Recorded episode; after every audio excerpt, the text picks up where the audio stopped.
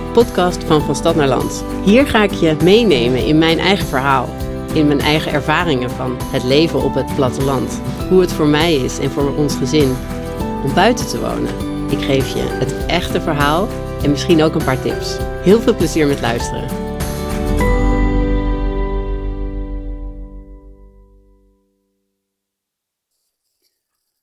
Hallo allemaal. Nou, dat is lang geleden dat ik hier was op de podcast. Door de hele nieuwe situatie waar wij met elkaar mee te maken hebben, met corona en ons gevecht daartegen, ben ik eigenlijk gewoon heel druk geweest met andere dingen. En uh, had ik echt geen ruimte in mijn hoofd om nou, met een podcast idee te komen of daarover te praten. En we zijn nu inmiddels vier weken onderweg in onze intelligente lockdown situatie. En de eerste weken vond ik dat heel erg wennen.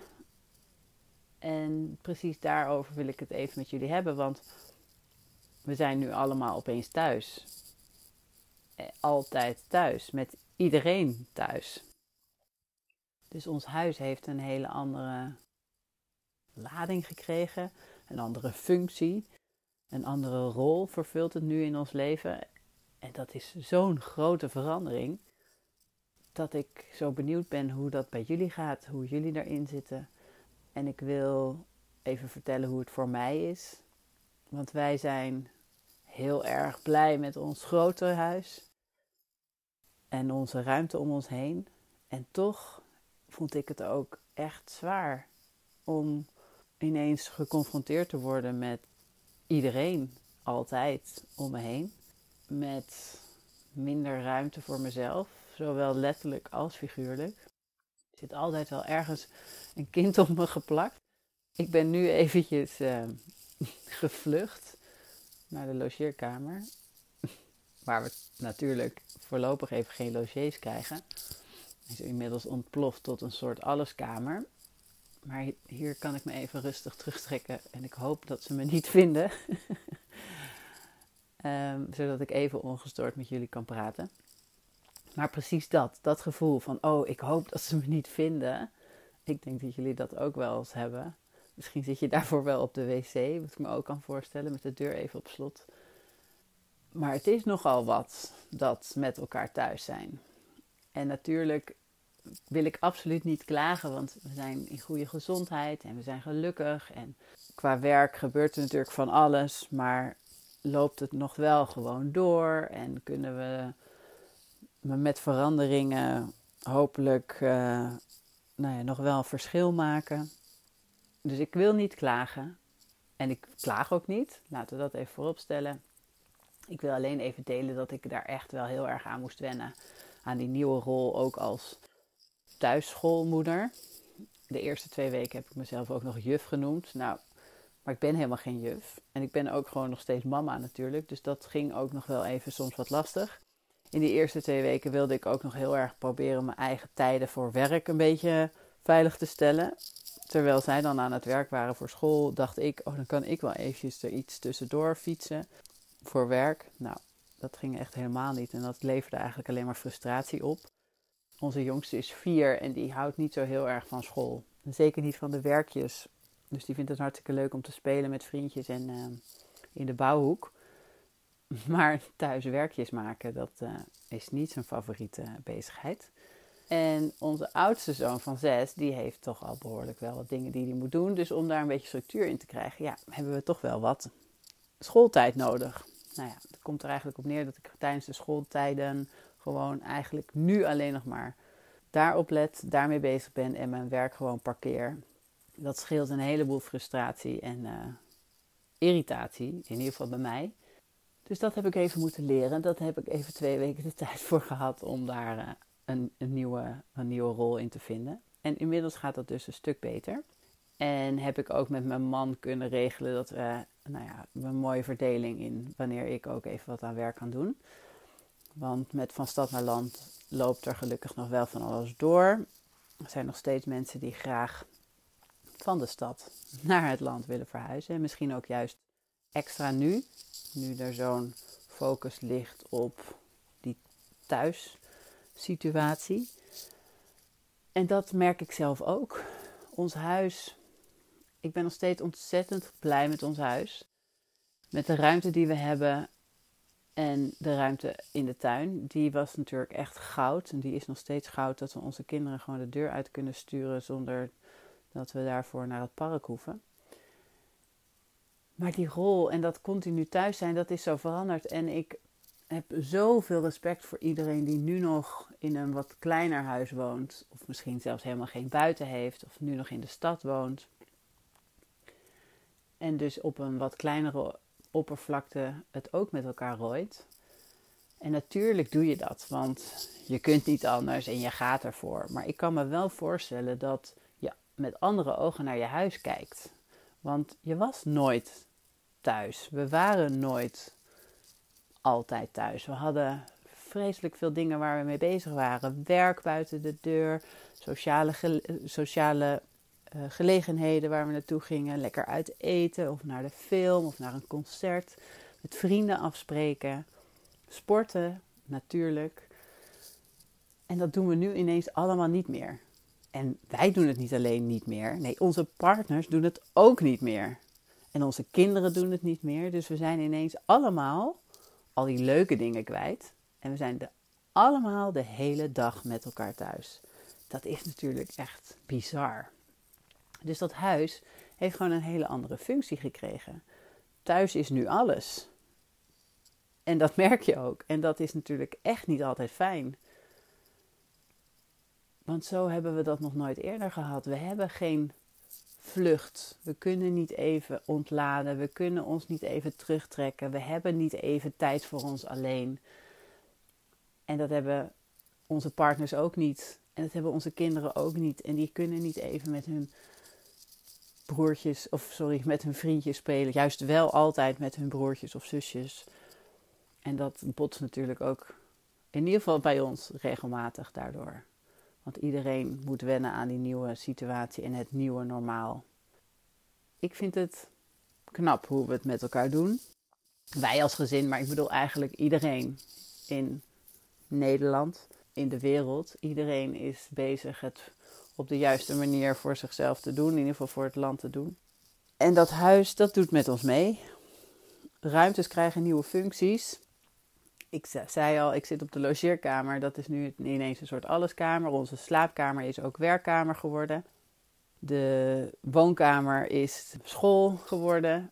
De eettafel ligt bezaaid met Lego van het ochtendontbijt speelkwartiertje. En dan moet, er, moet het snel opruimen en dan gaan we aan het schoolwerk. En dat willen de jongens dan ook het liefste toch aan de keukentafel. Tussen de bedrijven door probeer ik daar wel mijn laptop ook neer te zetten. Zodat ik toch nog stiekem, ondanks het feit dat ik de focus op de kinderen hou, maar nog even af en toe wat werkmailtjes uh, kan uh, zien in ieder geval. En we hebben een speelkamer. Grappig genoeg spelen ze daar nog steeds niet, zelfs nu niet. Je zou toch denken dat we nu, nu we altijd thuis zijn, zelfs die extra ruimte nog aan het opzoeken zijn. Maar ze willen nog steeds graag aan die eettafel. Dus die eettafel is ontploft. En die gaat dus van pil naar school, naar lunch, naar weerschool, naar knutsel, naar werk, overleg, borrel, avondeten en dan s'avonds weer werktafel. Het is toch ook wel bijzonder. Eigenlijk zou je er een soort timelapse filmpje van moeten maken. Met wat die tafel allemaal te verduren heeft zo gedurende de dag. Nu we met z'n allen altijd thuis zijn. En die slaapkamer ja, daar wordt natuurlijk geslapen. Maar voor veel mensen is dat natuurlijk ook de plek waar je je even kunt onttrekken aan je kinderen of even je werk kunt doen. Want er zijn natuurlijk genoeg huishoudens die helemaal geen werkkamer hebben. Dus dan wordt er gewoon gewerkt op de slaapkamer. Misschien wel op je bed. Het zou fijn zijn als je een klein bureautje hebt. Wij hebben dat wel, een klein bureautje in onze slaapkamer. Waar ik dan lekker aan kan zitten als het even het moment het toelaat. Maar ook daar worden de functies met elkaar verweven. De toilet is inmiddels natuurlijk ook niet alleen maar toilet. Er gebeurt van alles, maar ook even misschien wel je sociale media kwartiertje. Of misschien wel vijf minuten en dat voelt dan al heerlijk.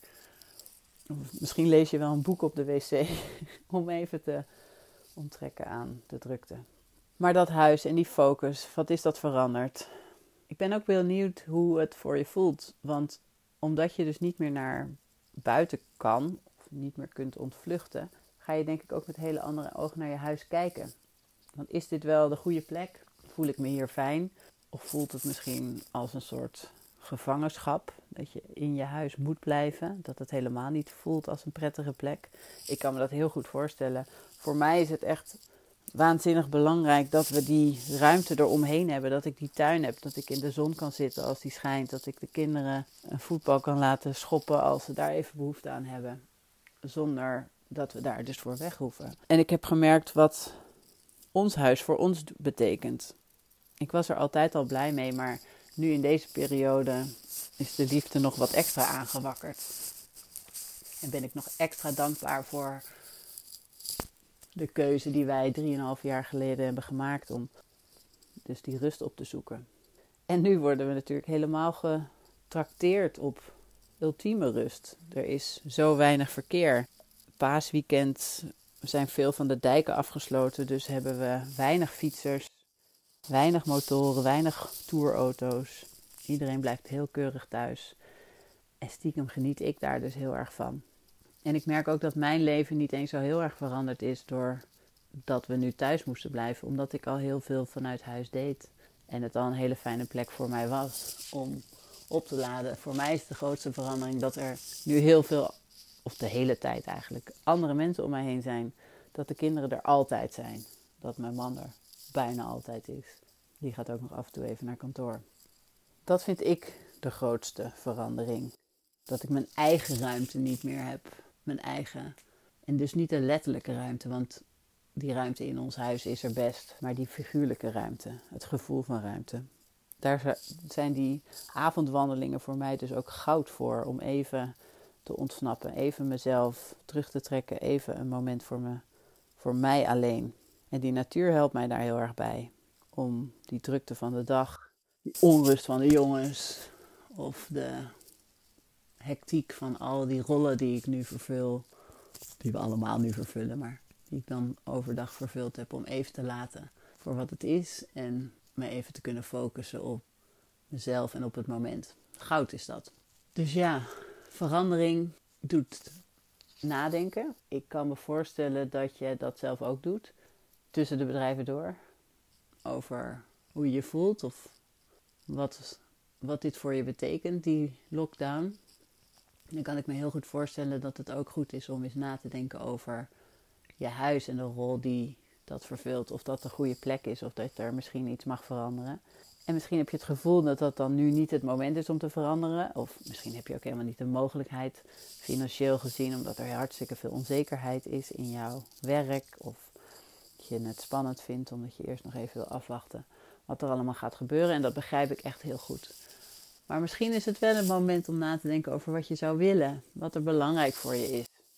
Durf te dromen over wat voor plek je voor je ziet. Dit is het moment. Maak er mooie wensenlijstjes van. Want het is soms niet zo simpel om te bedenken wat je wil als je zou gaan verhuizen. Het kan zo ingewikkeld zijn om te weten wat je wil, om te bedenken waar je dan naartoe zou gaan. En zeker als je een partner hebt en kinderen die misschien wel iets heel anders willen. Maar benut het moment om de vraag aan jezelf te stellen: waar word je blij van? Waar haal je inspiratie vandaan? Waar kom je tot rust? Wat vind je fijn aan je huidige huis en wat zou je wel mee willen nemen? Of wat mis je zo erg?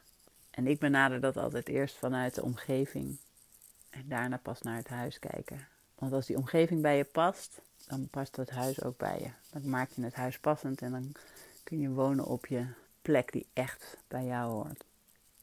En als je nu nog in de stad woont, dan is die plek natuurlijk ook enorm veranderd. Die omgeving die altijd bruisend was en vol dynamiek en mogelijkheden is ineens tot stilstand gekomen. De mogelijkheden zijn minder, er zijn minder mensen, minder van alles, minder dynamiek. Wat doet dat met je?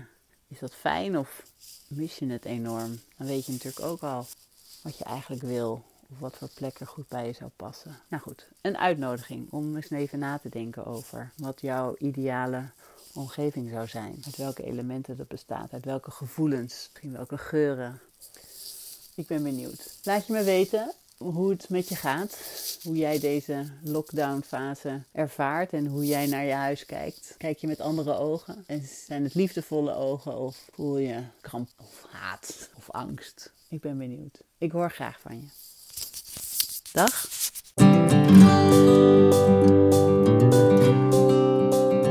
Ben jij nou ook op zoek naar die juiste plek voor jou? Ik help je heel graag bij het vinden. Ik kan een omgevingsanalyse of een persoonlijk plan voor je maken. Op mijn website vind je daar alle informatie over. Je kunt een afspraak inplannen op vanstadnaarland.nl en je mag me ook altijd een berichtje sturen via Instagram, van Stad naar Land. Want jouw juiste plek is dichterbij dan je denkt.